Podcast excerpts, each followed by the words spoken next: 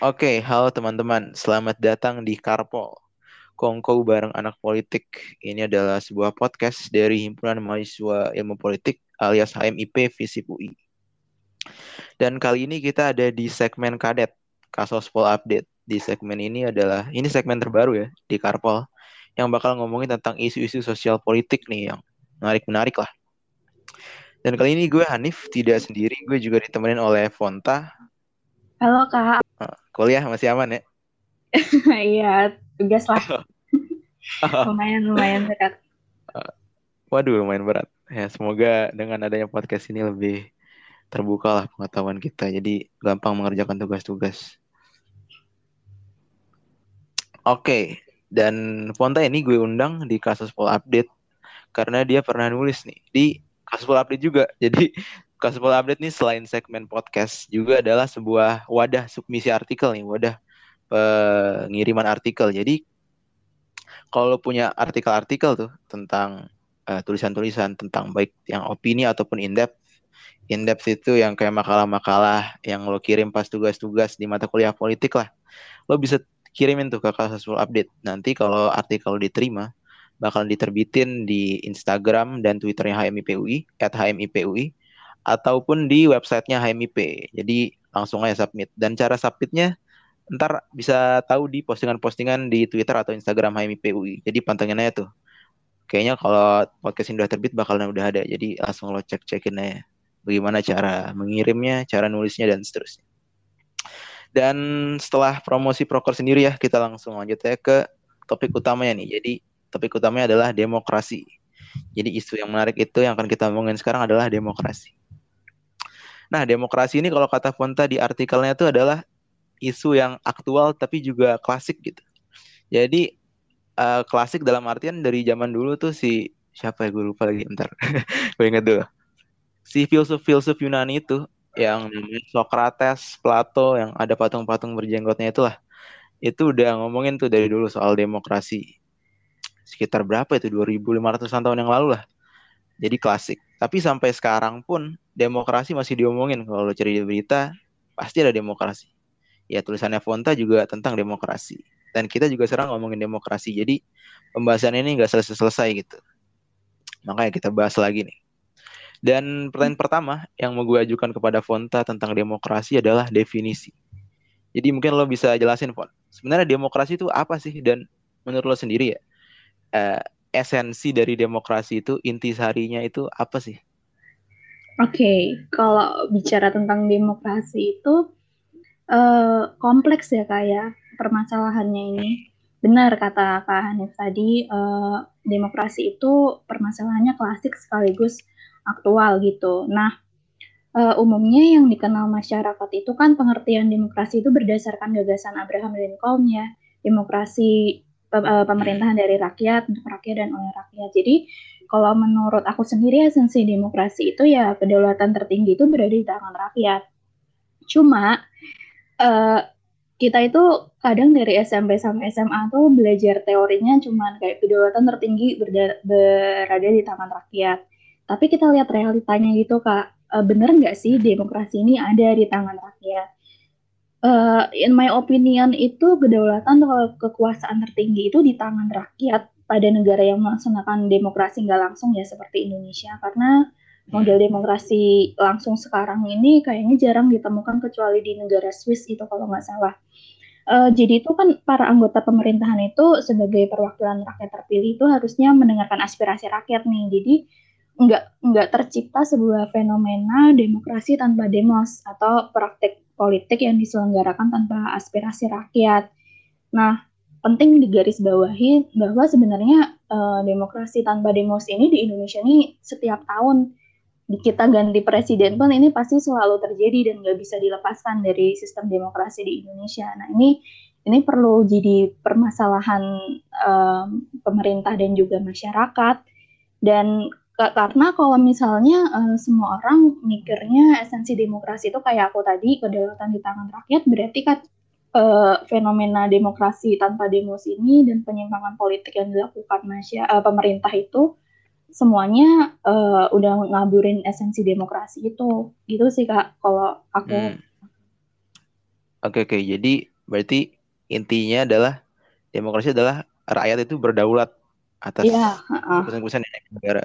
Iya, Sementara benar. kenyataannya lo melihat bahwa eh, banyak ne- di banyak negara yang ber yang sistemnya demokrasi di atas kertas itu rakyat tidak berdaulat gitu ya. Iya, ya bisa dibilang gitu sih Oke kalau dari realitanya kan. Oke oke. Tapi lo mendefinisikan rakyat berdaulat itu seperti apa sih? Maksudnya di contoh konkretnya gitu ketika ini negara yang rakyatnya berdaulat bedanya sama negara yang tidak berdaulat itu di mana gitu? Eh, kita lihat aja nih Kak di em, sistem eh, sistem permasalahan demokrasi. Demokrasi kan kadang eh, hak-hak eh, nilai-nilai demokrasi itu kan banyak ya, terutama hak kebebasan berpendapat, ke- hak hak-hak politik eh, masyarakat gitu. Dan kita akhir-akhir ini kan Indonesia lagi banyak nih masalah-masalah politiknya dan juga kayak masalah-masalah polisi itu ya sekarang banyak banget eh, aku lihat di berita. Hmm. Nah, eh, kalau misalnya ini ini menarik nih karena kemarin mantan jubir istana yang sekarang jadi duta besar Indo di Kazakhstan Eh. itu pernah ngeluarin statement nih demokrasi di Indonesia sedang berjalan dan baik-baik saja. Padahal Eh. waktu itu BEM-BEM tuh banyak banyak demo karena di demo-demonya tuh UI terus BEM seluruh Indonesia pokoknya pada demo. Itu kan berarti kan kontradiktif banget kayak sama sama eh, kondisi di eh, lapangan. Dan kalau misalnya eh, mereka yang mencari sebuah em, apa namanya kayak pembenaran kalau demokrasi Indonesia itu sedang baik-baik saja. Buktinya orang-orang demo kita kita santai kita kita menerima kok ma- masukan-masukan masyarakat. Tapi Hmm. eh, satu peristiwa di Solo eh, mahasiswa UNS yang waktu Jokowi ke Solo itu kan dia ditangkap gara-gara dia membawa eh, kayak spanduk gitu tulisannya selamatkan KPK atau gimana gitu Kak. Pokoknya Hmm. eh, dia kayak tentang KPK KPK gitu kan. Terus habis itu dia ditangkap Kak. Ih, kayak ya kalau kayak gitu ya kebebasan berpendapatnya di mana? Gitu kan nggak nggak nggak ditemuin di Indonesia. Meanwhile si jubir bilang kalau demokrasi Indonesia itu sedang baik-baik saja ya karena ya mungkin dia ada di kubu pemerintah ya pas itu. Jadi ya tuh Iya iya iya iya. Mau kritik tapi ditangkap ya takut juga ya. iya bener di Indonesia masih sering kayak gitu apalagi kemarin kan juga dan fisik UI juga di Instagramnya ngebahas demokrasi kampus ya Eh, aku Hmm. lihat eh, ada juga kajian-kajiannya yang bilang demokrasi kampus itu belum merdeka itu Hmm. Maksudnya demokrasi di tataran kampus di dalam birokrasi kampus itu ya. iya benar Ah, oke oke oke. Nah, tadi kan lo tadi yang kita ngomongin kan bagaimana em, orang-orang di ini ya. Ketika lo ngomongin kasus-kasus di mana orang berpendapat tapi dibungkam. Nah, tapi kemudian kan ada istilah juga lo pernah dengar gak nih tentang demokrasi kebablasan kan? iya Gue pernah benar dengar. Nah, itu kan Mbak, itu kan eh, gue melihatnya gue melihatnya ya, sering dijadikan pembelaan gitu untuk orang-orang ya nggak usah berpendapat gitu karena ada bablasnya tuh pendapat orang gitu. Ada bablasnya free speech ini. Mm-mm. Nah, tapi Mm-mm. menurut lo sebetulnya eh, bisa nggak sih demokrasi eh, mungkin lebih yang lebih konkret ya nilai-nilai yang lahir dari demokrasi kayak kebebasan berpendapat atau pluralisme politik gitu-gitu itu jadi berlebihan atau merusak gitu. Mungkin kebebasan berpendapat deh itu menurut lo bisa jadi berlebihan gak sih? Atau Hmm, merusak gitu bisa. sehingga harus dibatasi gitu. Heeh. Bisa sih kak Iya. kalau dilihat dari perspektif masyarakat ya maksudnya Hmm. eh, yang jadi subjek eh, yang melakukan action itu masyarakat kayak eh, kita lihat politisasi Sahara itu di mana-mana kan ya kalau mau menuju kampanye gitu dan iya. Papua gitu juga masyarakat-masyarakat Papua dan eh, Indonesia Timur itu kan masih sering kena kasus rasisme gitu kayak jadi eh, ska- eh, rasisme dan cyberbullying dan cyberbullying ini kan salah satu eh, kayak akibat dari terlalu bebasnya eh, kebebasan berpendapat di Indonesia. Nah, eh, kebebasan berpendapat sekarang itu oleh masyarakat tuh jadi kayak disalahgunakan kalau menurutku. Apalagi kan kita kenal ya eh, kayak hashtag netizen maha benar, apalagi netizen Indonesia gitu kak. Mulutnya ya ampun. Kayak uh, ini ini kita nggak bahas ke contoh politik ya. Kita simpel-simpel aja yeah. biar uh, banyak yang relate yeah. gitu. Kayak bahas, kemarin uh, IG-nya Han Sohee itu kak waktu dia lagi main drama Korea apa gitu. Aku agak lupa namanya. Hmm. uh, itu kan dia uh, karena dia perannya di drama itu pelakor itu netizen Indonesia tuh nyerang semua. Nyerang komen pelakor dari atas sampai bawah. Aku nge-scroll gitu kan. Ya ampun. Kayak kok Waduh. bisa gitu loh? Kayak uh, kenapa gitu? Padahal kan itu hanya hanya peran tapi kenapa masyarakat Indonesia kayak menggunakan sosial media itu untuk uh, spread hate comment kayak gitu?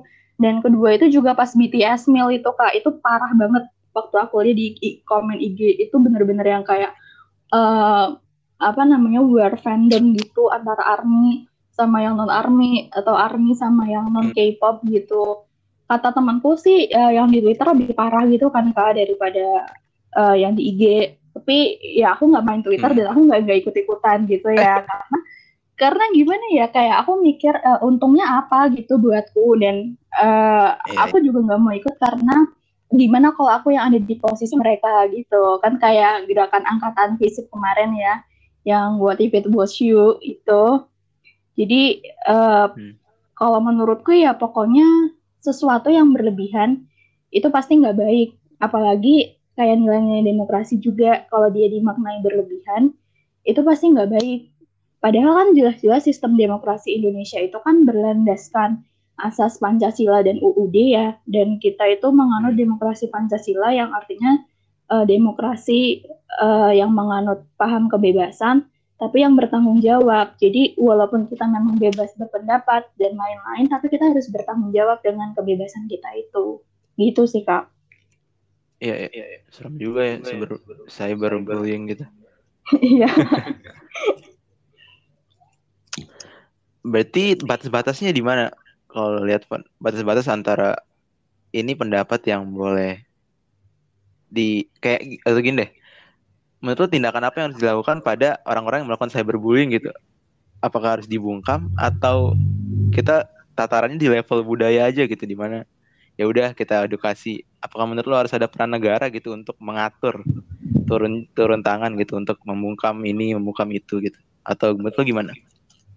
Ya kalau misalnya kayak kita lihat di artis-artis um, Indonesia gitu kan mereka biasa langsung lapor aparat hukum ya kak kayak kasusnya ini Saipul Jamil nih yang mau lapor ke polisi gara-gara dia di oh, iya, iya. juga nih. Iya. Sebenarnya kalau kasusnya kayak gitu juga um, kita uh, gimana ya?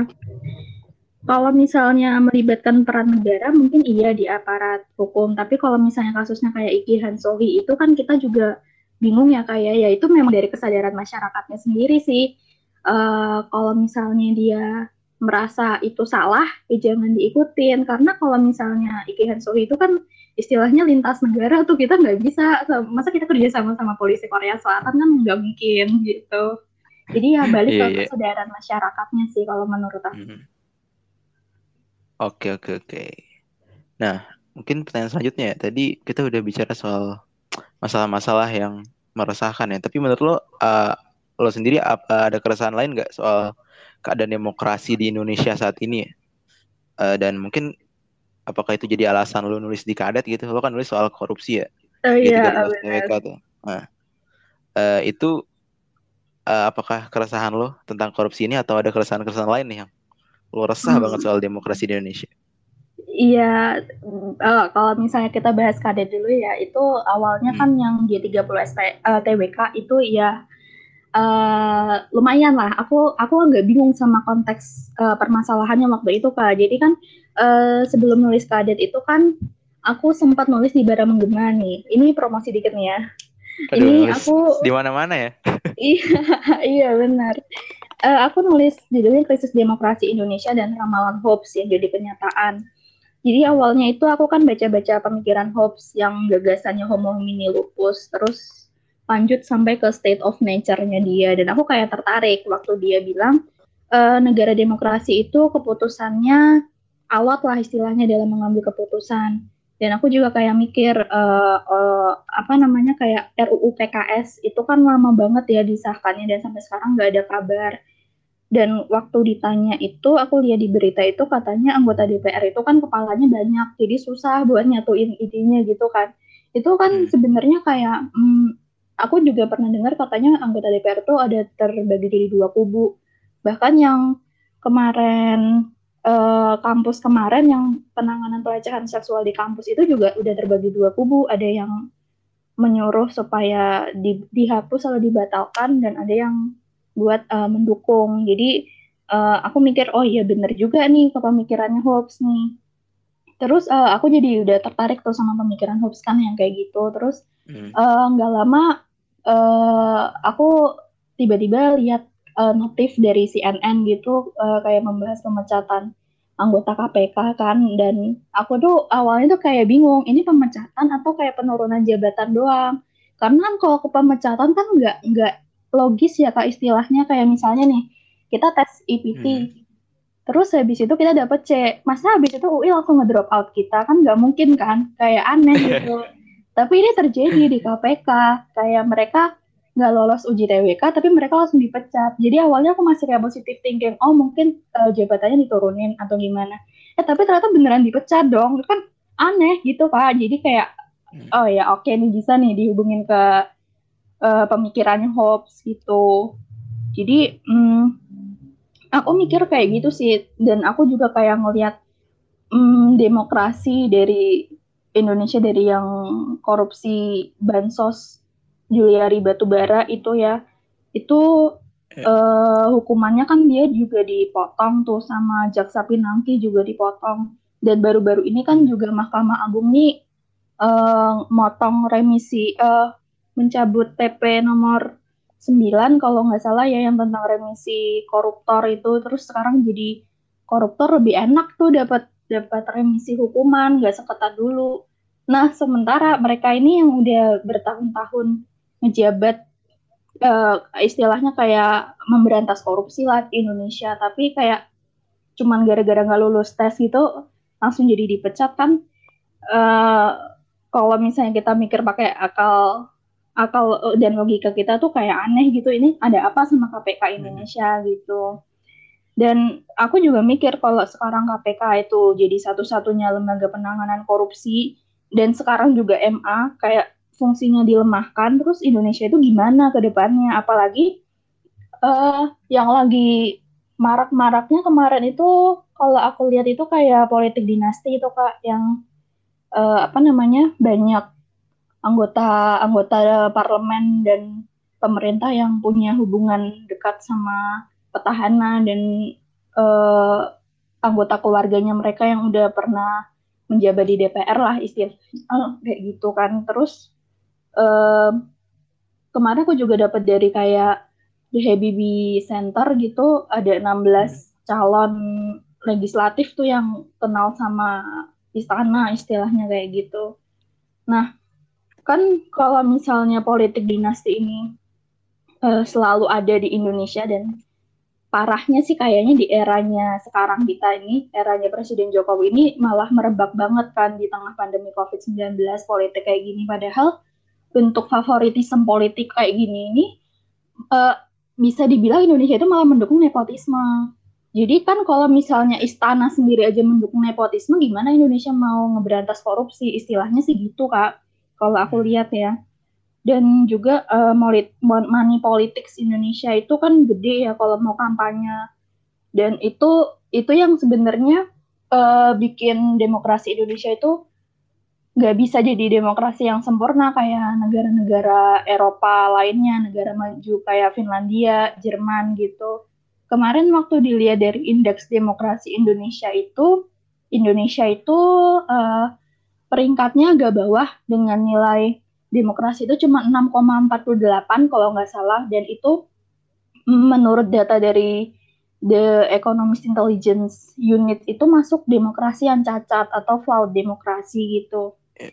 Di situ uh, aku nyoba buat nganalisis dan aku ngeliat kalau ya high cost politik Indonesia itu jadi salah satu penyebabnya gitu kan. Dan itu nggak bisa diberantas dari tahun ke tahun di Indonesia karena um, gimana ya? Kalau kita lihat dari anggota DPR nih yang mau nyalon kadang itu aku tuh sedikit yang nemuin latar belakangnya dari ilmu politik atau HI lah atau hukum gitu enggaknya banyak kan itu ya nggak nggak nggak menjurus ke jurusan aja maksudnya ini jangan jangan jadi kayak uh, aku menyalahkan jurusan lain enggak cuman kayak kadang itu adalah anggota DPR yang dari jurusannya sastra Rusia ada yang dari jurusannya kesehatan kayak ah kok kok jadi kayak ini ini salah jurusan atau gimana? Kan dulu ngambilnya kok malah ujung-ujungnya jadi anggota parlemen gitu. Dan nggak juga nggak cuma salah jurusan tapi juga kayak kerjaannya dulu dia penyanyi gitu. Terus habis itu masuk jadi anggota DPR kayak aneh gitu kan kayak kalau misalnya ya. emang mau jadi anggota DPR ya jangan jadi penyanyi gitu kok sekarang tiba-tiba gara-gara karirnya di penyanyi udah ngeredup terus uh, jadi anggota DPR gitu nah hmm. yang kayak gini-gini itu uh, ngerusak demokrasi Indonesia banget sih kak kalau menurutku karena um, mereka kan ya sorry to say lah nggak punya kemampuan nggak punya kredibilitas di dunia perpolitikan beda kayak kita yang s satunya bisa dibilang tiga setengah sampai empat tahun di politik. Terus habis itu misalnya kita lanjut S2 S3 ke politik ya bisa dihitung 6 sampai 90 eh, 9 tahun kan di politik. Berarti kita udah berkecimpungnya udah lama banget kan di politik. Sedangkan mereka yang kayak baru dapat pembukaan atau kaderisasi dari partai itu kan baru beberapa bulan aja, nggak nggak intensif juga. Jadi mereka cuma ngandelin nama sama uang gitu aja. Dan nanti kalau udah kalau udah apa namanya udah kepilih program-program itu juga nggak ada yang dijalanin karena kalau misalnya ada yang dijalanin pasti demokrasi Indonesia tuh kayak nggak nggak stagnan stagnan cenderung menurun kayak sekarang ini gitu sih. Ya ya. Tapi masalahnya tadi yang lo bilang kan uh, tentang anggota-anggota yang terpilih dan tidak apa ya tidak capable untuk menjadi anggota legislatif atau pejabat negara. Masalahnya kan mereka itu dipilih melalui cara yang resmi ya. Iya. mereka dipilih oleh rakyat dengan nah berarti lo melihatnya tadi itu di masalah uh, ini dipilih rakyat rakyat berdaulat tapi yang kemudian menjadi variabel untuk dipilih itu adalah uang gitu ya iya uang sama nama sih kayak kan kalau misalnya dia udah hmm. artis kan udah dikenal tuh sama masyarakat iya iya. Dan biaya politik gue juga pernah baca sih. Gue kebetulan kan pernah waktu bikin makalah apa gitu. Biaya politik kayak jadi kades aja atau eh bukan kades bupati atau apa gitu bisa gede banget jut miliar iya, atau bener. apa gitu. Iya. Iya itu kok makanya. Jadi kayak mereka kalau udah kepilih ya ya yang yang dipikirin gimana supaya mereka bisa balik modal kan istilahnya kayak hmm. gitu. Iya dan itu secara otomatis juga mereduksi orang-orang yang bisa masuk ini cuman yang berduit-duit doang. Iya. iya, iya. Tapi gue heran ya itu orang ada yang mengeluarin miliaran buat jadi bupati ngapain? Iya, Daya tariknya apa nih? Tapi kalau kita lihat dari kemarin uh um, waktu anggota salah satu anggota DPR tuh aduh uh, aku nggak bisa nyebut namanya aku takut salah jangan, ngomong iya jadi aja. iya jadi ya seorang anggota DPR yang kemarin sempat nge-share apa namanya total pendapatannya itu kan kita bisa lihat kalau diakumulasi ya bisa itu per hari kalau nggak salah ya kayak dia yang ngomong itu ya tunjangan-tunjangan dan bonusnya itu kayak per hari dan kalau diakumulasin aja sebulan itu bisa kayak mungkin kalau di total dalam setahun bisa satu dua turunan tuh nggak usah kerja aman kayak kayaknya hmm. iya hmm. mungkin kayak mereka ngerasa karena tunjangannya gede bonusnya gede dan uh, istilahnya semuanya udah difasilitasi negara. Dan kalau misalnya pensiun kan masih dapat uang pensiun ya. Jadi ya iya, mereka yeah, yeah. mau. Hmm, oh iya benar juga sih deh di situ ya. Iya. Tapi ya gue nggak apa-apa sih kalau digaji besar tapi baju saya gitu kan masalahnya adalah ini sepertinya tidak capable gitu ya. Iya. Ada sudah sudah. Jangan nanti ntar jangan lebih jauh lah ngomongin tentang itu. Kita lanjut ke pertanyaan selanjutnya lah. Jadi menurut lo nih kan tadi ada permasalahan permasalahan yang lo bilang kan uh, orang-orang korupsi pejabat-pejabat nggak capable um, terus politik uang. Tapi menurut lo ya dengan segala kekurangan ini, apakah sekarang itu Indonesia sudah ada di track yang tepat nih untuk menjadi negara yang demokratis? Dalam artian oke okay, let's say sekarang kita masih 30% demokratis lah tapi ini jalannya akan bakal naik nih bakalan 31% bakalan lama-lama jadi 50 lama jadi 100% atau sebenarnya ini tuh bukan di track yang tepat sama sekali menurut lo gimana? Uh, kalau misalnya ngebahas di track yang tepat itu kan sebenarnya uh, personal opinion ya kayak ya. jadi semua orang punya perspektif gitu karena kemarin juga yeah ya kalau mereka di kubu pemerintah pasti mereka bilang udah demokratis demokratis maksudnya sekarang uh, Jokowi juga kayaknya terlihatnya uh, pemerintahnya jalan dengan lancar gitu okay. tapi kalau aku sendiri mungkin bisa dibilang hmm, oke okay, dari kita lihat dari dari era Soekarno sampai sekarang sih Indonesia uh, perjalanan demokrasinya sudah bagus cuman kalau misalnya dibilang demokratis mungkin masih jauh banget ya. Uh, mungkin ini uh, waktu membahas ini aku bakal ngaitin dikit sama politik luar negeri ya. Karena tadi kita udah ngebahas tentang politik dalam negeri kan yang uh, korupsi dan lain-lain. Nah, kalau misalnya aku bisa ngelihat itu Kak, sebenarnya fokus kebijakan pemerintahan Jokowi sekarang ini tuh lebih ke militer sama ekonomi. Ini sebenarnya nggak cuma di luar negeri tapi juga di dalam negeri Kak uh, kemarin aku dapat dapat datanya juga itu dari DHBB Center juga uh, kebijakan yang kayak gini itu uh, membuat sebenarnya kita itu nggak usah heran sama statementnya Menteri LHK kemarin. Yang bilang kalau pembangunan besar-besaran era Presiden Jokowi itu nggak boleh berhenti atas nama emisi karbon. Karena memang sebenarnya kabinet Jokowi itu didesainnya itu untuk pembangunan dan ekonomi. Dan kalau misalnya dilihat mungkin di uh, Jokowi ini dari zamannya uh, Yusuf Kala itu dia kayak meminjam libera liberalisasi pasar atau keuangan dari SBY. Jadi uh, yang difokuskan Jokowi itu hanya untuk pembangunan dan ekonomi sama penanganan COVID kan di tengah COVID-19 uh, sekarang ini. Hmm. Dan kalau misalnya dihubungkan ke politik luar negeri, ini nanti akan ada hubungannya dengan uh, Papua kalau kita melihat uh, masa depan demokrasi Indonesia ya ampun masa depan ya kayak peramal gitu apa, apa? Uh, kita peramal di sini ya Oke, okay, kita kayak pengamat politik gitu ya. Um, jadi Nama... kayak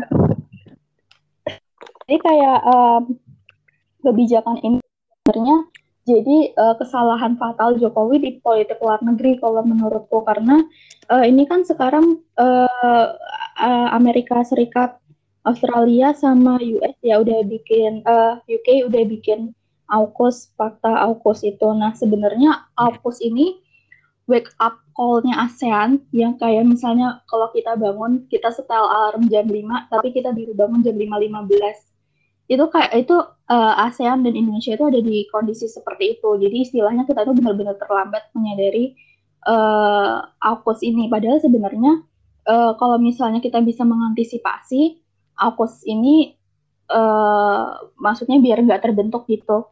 Karena apa? Karena uh, AUKUS ini kalau aku lihat itu bisa mempengaruhi uh, ASEAN di mata dunia. Apalagi sekarang karena Myanmar itu ASEAN jadi terlihat nggak berwibawa karena juga um, terikat sama gerakan non bloknya ya. Uh, dia nggak mau nggak mau uh, memihak dan jadi kayak istilahnya mereka itu nggak jalan, uh, bukan nggak jalan kayak malah cenderung mengabaikan dan meng, uh, mengabaikan dan nggak nggak melihat Myanmar secara keseluruhan gitu kalau misalnya aku lihat gitu. Uh, ini kan berarti sebenarnya Indonesia sebagai salah satu politik bebas aktifnya itu sebenarnya harusnya bisa difleksibelkan dengan kondisi sekarang ini karena um, dengan adanya AUKUS ini kita lihat sekarang hubungannya Jokowi sama Biden itu kan mulai mulai mendekat tuh. Apalagi kemarin Biden itu waktu uh, ASEAN itu kan dia menjanjikan 102 miliar ya buat pembangunan ASEAN. Sedangkan Indonesia itu sebelum Biden ke KTT ASEAN itu malah lebih dekat uh, lebih berdiplomasi ke Cina karena uh, Cina membantu Indonesia dalam penanganan COVID. Nah di sini ini sebenarnya um, kalau aku lihat Jokowi itu belum bisa mempertahankan status quo Indonesia sih kayak dia jadi kayak terombang-ambing gitu. Negara mana yang memberi keuntungan lebih besar? Kayak itu yang diikutin. Ya emang benar. Cuman um, kita harus tahu kayak um, Amerika Serikat sekarang jadi Indonesia itu uh, ya kayak se sebenarnya bagus. Cuman kayak uh, harus ada yang kayak kita was berarti kan Amerika Serikat itu megang kekuatan besar, salah satu kekuatan besar dunia. Jadi Joe itu sebenarnya harus tahu uh, apa ada taktik Amerika di balik uh, dia dia mau dekat ke Indonesia dan kan karena AUKUS itu uh, Australia UK dengan US uh, dengan uh, Australia uh, US sama uh, Inggris ya UK ya. Jadi yeah, Australia yeah. itu uh, kalau kita lihat itu hubungannya dengan Vanuatu deh. Vanuatu itu kan tiap tiap tahun tiap sidang PBB itu kan selalu nyerang Indonesia terkait dengan HAM Papua. Di sini sebenarnya uh, diplomat-diplomat Indonesia udah bener sih kayak mereka uh, selalu melindungi Papua di bawah uh, asas PBB yang bilang kalau Papua itu uh, yang bilang kalau uh, Vanuatu itu nggak boleh me mengintervensi mengintervensi hubungan luar negeri anggota PBB kan. Tapi hmm. uh, kayak mau sampai kapan Indonesia itu uh, hanya bersembunyi di balik asas PBB kayak gitu kan? Karena kalau misalnya kita dari kita masyarakat dan pemerintah itu kayak nggak menunjukkan aksi yang nyata terhadap HAM Papua, itu bakal fatal akibatnya. Karena kemarin waktu aku nonton uh, sidang PBB yang hari kedua itu kak, uh, ada presiden dari Brasil itu uh, si Jair Bolsonaro. Dia waktu ngasih speech itu live chat reply yang di uh, akunnya di YouTube channelnya uh, United Nation itu penuh kayak warga Brasil tuh kayak pada ngedemo gitu. Uh, kayak istilahnya mereka bilang apa Bolsonaro penipu dan lain-lain dan lain-lain kayak gitu kan. Nah itu uh, jangan sampai itu terjadi ke Indonesia. Maksudnya uh, jangan sampai nanti waktu sidang PBB, waktu di diplomat Indonesia menantang Vanuatu dengan hanya uh, bilang kalau Papua itu sekarang aman-aman aja, nanti masyarakat Papua yang malah uh, ngerespon dengan chat di live chat reply-nya itu, itu kan nanti malah dunia jadi tahu loh ini ini masyarakat Papua sendiri nih yang kayak gini. Karena kalau kita lihat kan di Papua itu bekas tambang Freeport itu masih gede banget ya kak. Dan hmm. iya memang katanya mau direklamasi, cuman kan butuh waktu lama dan dan sekarang ini ada UU Minerba nih, UU Minerba ini yang menurutku bakal memperparah kondisi Papua karena UU Minerba ini kan nanti dia menghadirkan banyak investor tuh ke Papua. Sedangkan iklim di Papua itu kalau kita semakin dikeruk kekayaannya itu kayak uh, dari masyarakat Papua sendiri udah mereka nggak dapat apa-apa. Dan malah dampaknya itu uh, jadi kayak kesehatan mereka semakin terganggu. Karena kemarin waktu Freeport aja banyak negara uh, masyarakat-masyarakat di Papua tuh yang kena stunting terus habis itu katarak dan uh, busung lapar dan masih banyak lagi. Karena mereka uh, kan mata pencahariannya dan uh, kayak tempat mereka melakukan aktivitas sehari-hari itu kan di sungai, tapi sungai itu tercemar merkuri dari dari tambang-tambangnya itu kan. Jadi ya mereka akhirnya dampaknya kena ke mereka sendiri padahal yang kaum-kaum kapitalisnya itu malah ngeruk kekayaannya kayak bener-bener banyak banget. Nah, itu yang harusnya pemerintah itu bener-bener ngeliat. Dan uh, balik lagi ke Vanuatu sama Australia tadi, kalau misalnya kita lihat itu kan Vanuatu itu kan cuma negara kecil ya di daerah uh, Pasifik, tapi kenapa mereka kayak kayak ngotot banget Papua itu harus merdeka dari Indonesia dan lain-lain.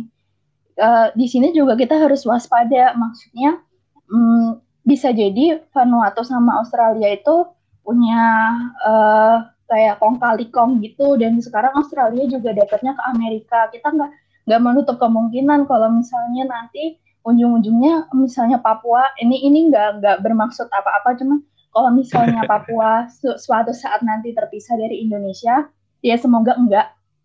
Uh, apa namanya uh, bisa jadi nanti misalnya Papua memilih memilih mendekat ke Vanuatu dan Australia, nanti Amerika Serikat yang bakal uh, masuk ke Papua dan ngerukep kekayaannya Papua itu. Karena Australia kan sekarang uh, bisa dibilang mitra terdekatnya adalah Australia bukan uh, Amerika bukan Cina lagi.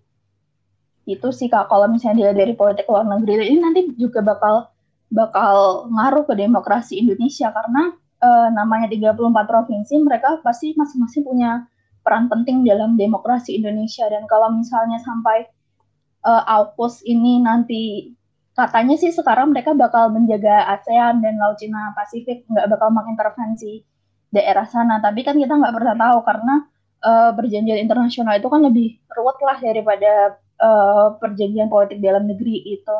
Kita nggak pernah tahu nanti ke depannya bakal terjadi apa di sana. Kita nggak pernah tahu apa kapan perang perang dunia ketiga atau perang dingin gitu bakal terjadi hmm. antara Amerika Serikat sama Cina. Apalagi uh, hubungannya uh, Amerika Serikat Cina dan Taiwan itu kan mulai memanas. Bisa jadi nanti mereka mulai dari situ baru mereka ke daerah Indo-Pasifik dan Laut Cina Selatan gitu. Nah, kalau misalnya ini sampai terjadi kayak AUKUS uh, AUKUS jadi kayak mengalahkan peran ASEAN dan ASEAN juga kayak uh, nurut-nurut aja sama AUKUS, itu nanti bakal bakal uh, kayak bakal mengaruh ke demokrasi Indonesia. Karena nanti yang kena juga masyarakat Indonesia gitu. Kalau aku lihat dari pendapatnya Bu Dina Raharja gitu.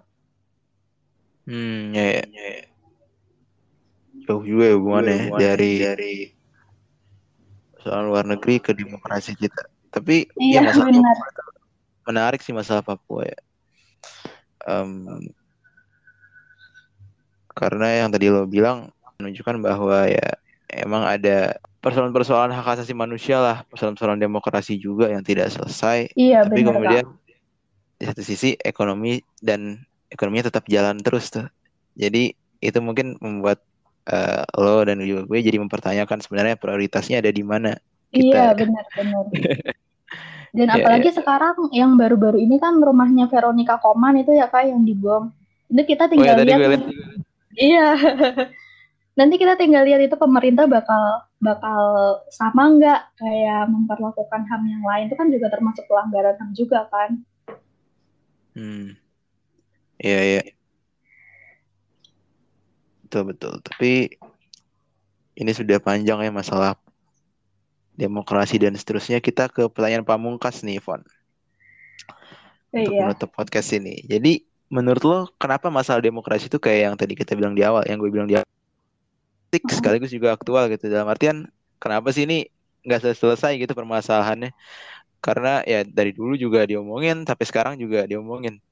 Dalam artian seolah-olah dunia ini nggak pernah sepakat gitu mengenai uh, demo sistem pemerintahan seperti apa yang paling diterapkan dan penerapan demokrasi. Kalau memang itu dilihat sebagai sistem yang paling baik kenapa nggak pernah terhindar dari masalah-masalah yang terjadi kayak di Indonesia yang dari kita bahas ini gitu? Menurut lo kenapa gitu?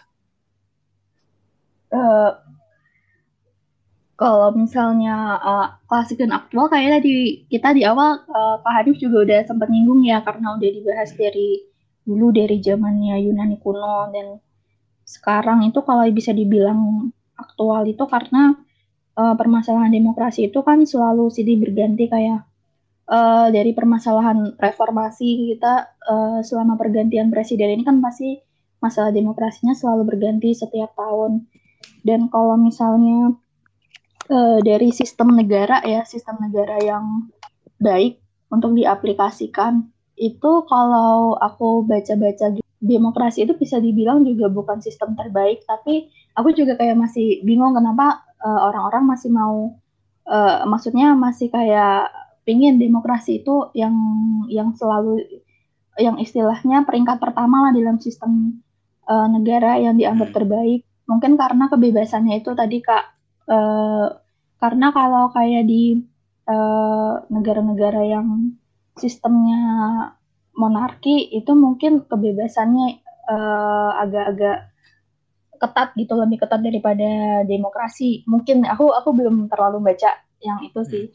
cuman kalau setahu aku um, demokrasi di Indonesia itu uh, demokrasi sistem demokrasi itu kayak setiap setiap uh, tahun itu setiap berapa puluh tahun gitu aku pernah baca di buku kayak selalu berganti sistemnya. Jadi uh, sistem demokrasi sekarang dan demokrasi yang dulu itu uh, berbeda gitu. Makanya sekarang negara-negara uh, yang menganut demokrasi itu dinamakan uh, demokrasi generasi ketiga uh, mungkin yang kedua dan pertamanya yang udah udah lama banget mungkin yang pertamanya yang udah mulai zaman Yunani Yunani dulu uh, dan kalau misalnya uh, si apa permasalahan demokrasi di Indonesia itu ya memang susah susah untuk dihilangkan karena uh, kita nggak bisa kayak misalnya rumput yang udah ngejalar gitu kayak kita nggak tahu nggak nggak bisa ngelihat akarnya saking itu udah bener-bener lebat banget rumputnya.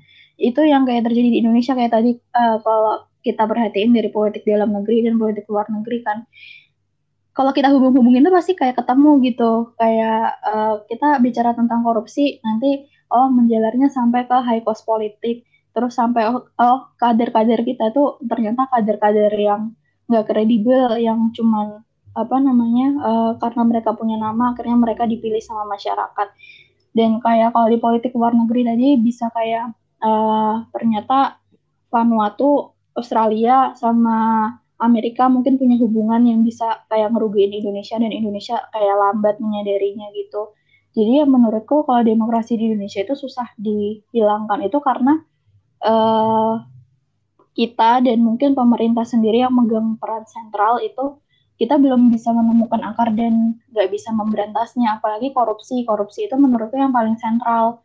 Karena kalau sudah sebuah negara itu masuk ke negara dengan tingkat korupsi yang tinggi itu pasti pelanggaran hamnya ikut tinggi. Dan indeks demokrasinya hmm. juga pasti rendah. Gitu sih. Hmm oke okay, oke. Okay. jadi ini agak-agak ini ya agak suram sedikit ya. Jadi masalahnya di mana-mana akarnya kagak ketemu nih. Iya benar. Oke ya sudah semoga semoga suatu saat nanti semakin ini ya semakin demokratis. Oke, Fon. Iya. Terima kasih banyak ya. Ini kita udah lumayan nih berpuluh-puluh menit ngomongin demokrasi nih. Semoga dengan obrolan kita ini jadi semakin tercerahkan lah soal demokrasi. Iya, semoga uh, mahasiswa-mahasiswa yang politik baik di UI atau di seluruh Indonesia kita bisa belajar gitu ya. Jadi kalau misalnya kita ke depan yang jadi kerja di pemerintahan kita bisa memperbaiki demokrasi. Amin amin amin. amin. Ya mungkin kayaknya lo ada cita-cita ya Fon ya ambisi pribadi ya masuk ke Aduh, pemerintah. Enggak enggak enggak. Gue kira ada. Apa juga sih kalau ada Fon? Iya enggak dulu deh. oke lah oke lah mari kita tutup juga ini tutupnya harus ada ininya ternyata Fon harus ada slogannya nih. Oh, iya. Jadi slogannya in politics we trust. Jadi ntar gue bilang in politics, lo bilang we trust ya. Oke okay, oke. Okay. Oke. Okay. In politics we trust. Oke okay, mantap. Sampai jumpa di episode selanjutnya teman-teman. Terima kasih.